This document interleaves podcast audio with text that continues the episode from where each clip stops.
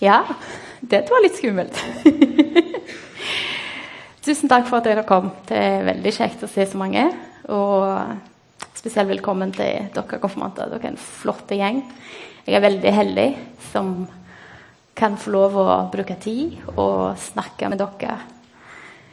Og følge dere gjennom det komfortet. Jeg har lyst til å be for vi skal begynne. Sjefar, jeg ber at du skal tale til oss. At du skal vise deg for oss, og at vi kan lære litt mer av hvem du er i dag. Ja, Ida leste Johannes 21 til oss. Og jeg er ganske fascinert av mange personer som er beskrevet i Bibelen. Og de fleste som fascinerer meg, er de som er veldig kloke, tålmodige, raske til å lytte og forsiktig med å snakke. Alt jeg ikke Og en av de som er ikke i den fascinasjonskalleriet mitt, er akkurat Petter. Og det er kanskje fordi han er veldig lik, lik meg. Han snakker som en foss. De som har ikke opplevd det, gi meg to år til, så garantert. Han snakker når ingen andre tror. når alle er i stillhet, så den første, kjappeste Han er ikke helt ferdig med å høre hva problemet er, og han har allerede en plan på hvordan vi skal løse problemet. og hvordan vi skal fikse det. Han liker å jobbe alene. Klare alt sjøl. Et slags James Bond-syndrom. Vi klarer alt. Løser alt. Noen dager før korsfestelse, under et måltid, så forklarte Jesus til sine venner hva som skulle skje med ham. Og han var ikke helt ferdig med å snakke, og hvem som kommer opp? Peter. Og han sier, 'Herre, med deg skal jeg berette til å gå både i fengsel og i død.' Og det er sånn, Ikke helt ferdig med å høre hva hele historien er, men han kommer allerede og bruker veldig store ord. I fengsel og dø. Og det er han som skal gjøre det. Salen er full av andre, men eh, han vet ikke hva de andre skal gjøre. Han vet hva han skal gjøre. Han skal gå helt til slutt. Den eh, som sagt et slags James Bond-syndrom. Jeg skal fikse alt. Og Jesus snur seg og sier til Peter Peter, før han en gal i natt, skal du tre ganger nekte at du kjenner meg. Ikke nekt at du er min venn, men nekt at du kjenner meg, at du vet hvem jeg er. Og det skjer akkurat som Jesus sa. Han blir tatt til fengsel. Petter følger situasjonen fra avstand. Og når folk gjenkjenner han og sier du, du er Jesus' disippel, så nekter han at han kjenner Jesus. Og ikke én gang, men tre. Og Historien som ble lest i dag, skjedde etter Jesus hadde stått opp fra de døde og viste seg for mange. Men han hadde ikke hatt eh, en prat med den enkelte disippel. Så det vil si at han hadde ikke tatt en prat med Peter om det som hadde skjedd. Og Peter gikk sikkert rundt med den ferske opplevelse og det at han hadde fornektet at han kjente Jesus. Og plutselig Oi, nå er han stått opp igjen, og han er der. Han gikk rundt og tenkte at han hadde sviktet sin venn. Men nå, nå er tiden kommet. Jesus skulle snakke direkte med Peter. Og jeg kan føle litt med Peter her. Tenk at du har gjort noe pinlig. Du har rett og slett vært litt feien. Og du får det rett i fleisen. Jeg vet ikke om dere har opplevd det, men jeg har det. Og jeg, Mens jeg holdt på med denne talen, her, så snikket jeg litt på avis, og så så jeg et godt eksempel på det. Det Peter Northug. Saken kom opp igjen denne uka, og overskritt var Pappa Northug skal redde VM for Peter. Og jeg tenker oi, du må være litt flaut. Litt flaut må det være. Tenk at han før han hadde liksom alt i hans side. Han kunne styre seg sjøl, sant? Men nå, hver gang noen skjer i karrieren hans, så kommer det med promillekjøring, bla, bla, bla. Jeg synes Det er veldig interessant når folk snakker om det på radio, at de alltid avslutter med å si at 'han ble tatt i fjor', bla, bla, bla. bla. Så hver gang Peter Northug kommer opp, så kommer den feilen opp. Og det er akkurat det samme med vår Simon Peter her i Bibelen. Han får det rett i fleisen. Og hvis vi leser de kapitlene før, så ser vi hvor rastløs Peter var. Han rett og slett bestemmer seg for å gå og fiske fordi han, eh, han må gjøre noe. Han klarer ikke å bare sitte der og tenke. Han må aktivisere seg for å gå vekk fra det som gnager på ham. Og Det høres litt kjent ut òg. Å gjøre noen bare for ikke tenke på det som er litt vondt. Og Han går ut i sjøen med de andre òg. Det han møter Jesus for første gang. Og akkurat som den dagen han så Jesus for første gang, så fisker de en hel natt uten å få fisk. Og så tenker han går for å aktivisere seg, for å gå, liksom, ikke tenke på det som gnager i sjelen. Men å holde seg aktiv hjelper ikke, fordi han får ikke fisk. og i løpet av den dårlige fisketuren så ser Johannes, en av de andre, han ser en på stranden. Og han gjenkjenner at det er Jesus. Og han sier 'Det er Jesus'. Og Peter han tenker ikke to ganger. Han kaster seg i vannet mot Jesus. Som vanlig så handler Peter først, og så tenker etterpå. Og Jesus laga frokost til dem. Og etter alle var mette og varme og satte seg rundt bålet, så snakker Jesus om det Bette hadde håpet det skulle gå forbi stillhet. Bette hadde nektet Jesus offentlig tre ganger. Og Jesus spør offentlig tre ganger. Første gang Bette, sønn av Johannes. Elsker du meg mer enn disse? Og Jesus bruker ikke det kallenavnet han selv hadde gitt Petter. Han pleide å kalle Petter Klippen. Han sier Petter, sønn av Johannes. Nå snakker jeg til mannen Petter. Den, er, den som er veldig langt fra perfekt. Petter hadde sagt at han skulle gå til fengsel og døden for Jesus. Han brukte store ord. Hans eh, James Bond-syndrom sa at han kunne klare alt alene. Og nå spør Jesus klarer du å elske meg mer enn alle de andre her. Og Petter svarer, 'Jesus, du vet at jeg har deg kjær.' Og han begynner med 'du vet'. Og Det høres litt kjent ut igjen for meg. Og det er det, igjen det, det, kanskje det får jeg ikke bedre. Men eh, hver gang jeg gjør noe feil mot andre, så vil jeg appellere til det de vet om meg, så at jeg slipper å snakke veldig mye om det som har skjedd. Du vet at det var ikke meningen å si det jeg sa. Du vet at jeg ikke er en dårlig person. Bette bruker eh, prøve å bruke det Jesus visste om han, for å slippe å snakke om det som var vondt. Men det er ikke noe naturlig for oss. Vi vil helst slippe å snakke om ting som er vondt. Ting som er vanskelig. Og det faren med det er at det kan hende at til slutt vi har ingenting å snakke om. De tingene som ikke er sagt, sagt det tar mye mer plass enn de tingene som er sagt. Og til slutt ble det ingen annen alternativ enn å bryte relasjon fordi avstanden ble så stor. Fordi du, du, har så mye som tar mye plass, som er ikke sagt. Nei, dette snakker vi ikke om. Men det funker ikke med Jesus. Og Jesus fortsetter. Og Petter sier ikke 'Ja, jeg elsker deg'. Han sier 'Jeg har deg kjær'.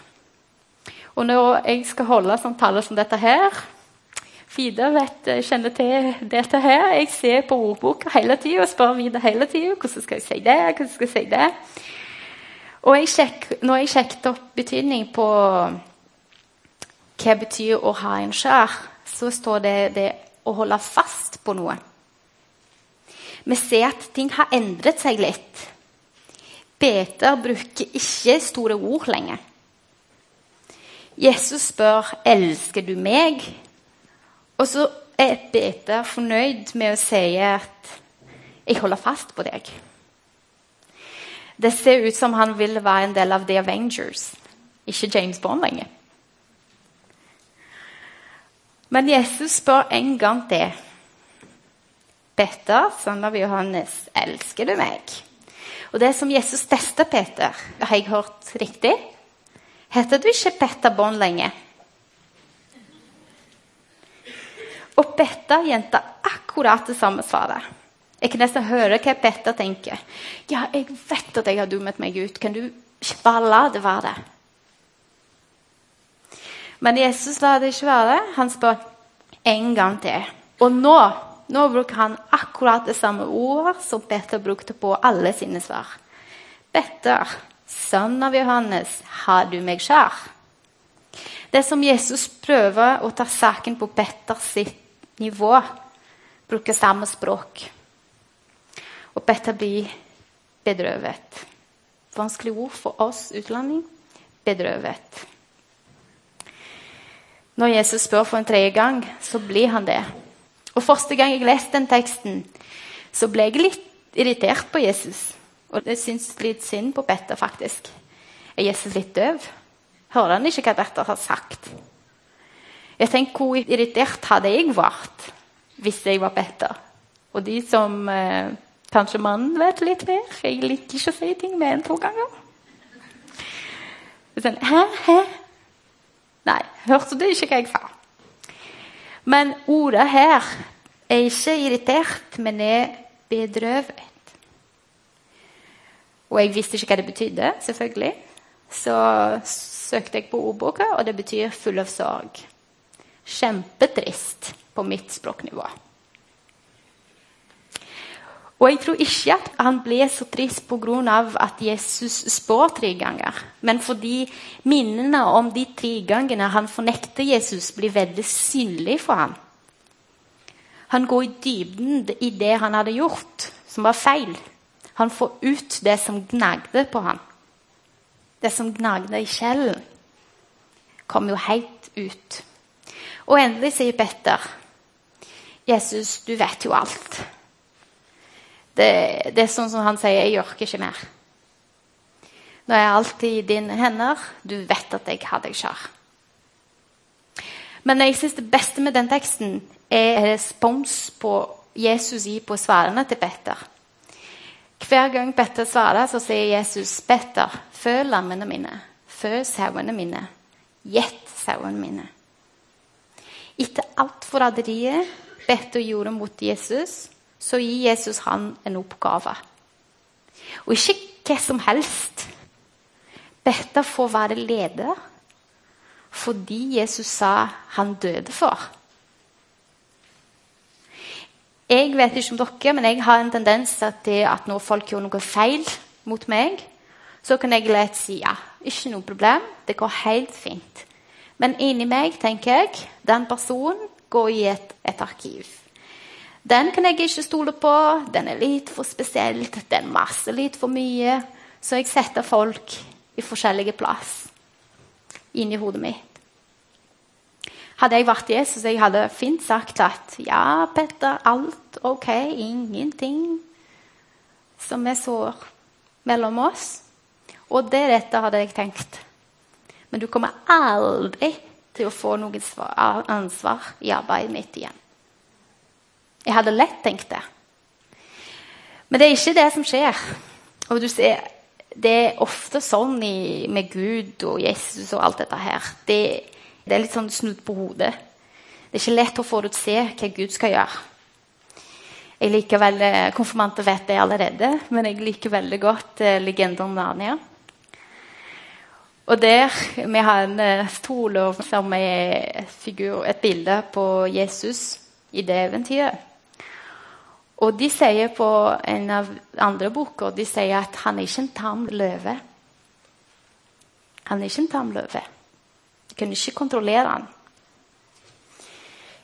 Jesus gir Peter et ansvar som respons for den kjærlighet Peter sier han har for Jesus. Peter sier 'jeg har dette her', og så Jesus sier 'jeg skal bruke det'. Jeg skal gjøre det stor. Og Spørsmålet her er ikke om Jesus elsker Peter, men om Peter elsker Jesus. Jesus' kjærlighet for Peter trenger ikke å vurderes engang. Den er klar. Det er klar på mange måter, men også på måter Jesus konfronterer Peter. Se her. Han viser seg ved sjøen, der Peter så han første gang. Fisketur. Akkurat sånn som den dagen de traff for første gang. Og han lager frokost til Petter. Gjør Petter varm. Tar vare på Petter først, og så konfronterer han Petter. Og så gir han en oppgave. I en av de bøkene om denne legenden om Narnia òg Det en gutt som er veldig skeptisk til alt og alle. Han er en veldig sterk, handlekraftig gutt som er ikke veldig tålmodig med eventyr og sånne greier. Men han ender opp i et magisk land med søskenbarna sine. Og ut av uh, hans stahet og at han skal klare alt sjøl, så han går seg vill. Og så blir han fengsel i en dragens uh, kropp. Og det var ikke så lett. Etter mange dager som en drage så lærer han seg å være litt mer ydmyk, og at han ikke klarer alt sjøl. Han trenger hjelp. Og Den største testen den kommer når søskenbarnet hans er nesten i en dødelig episode med et monster i sjøen. Og så har han tatt to valg. Han kan fly bort fra den farlige eh, situasjonen, fordi han kan jo det. Han er stor. Eller kan han stå på og hjelpe. Og han velger å stå på. Han blir skadet og kastet ut på en strand til slutt. Og mens han ligger der skadet og liksom nå, nå, jeg, nå, er det ingen håp på meg. Så skjer det noe med ham. Og nå skal vi se litt hva som skjer.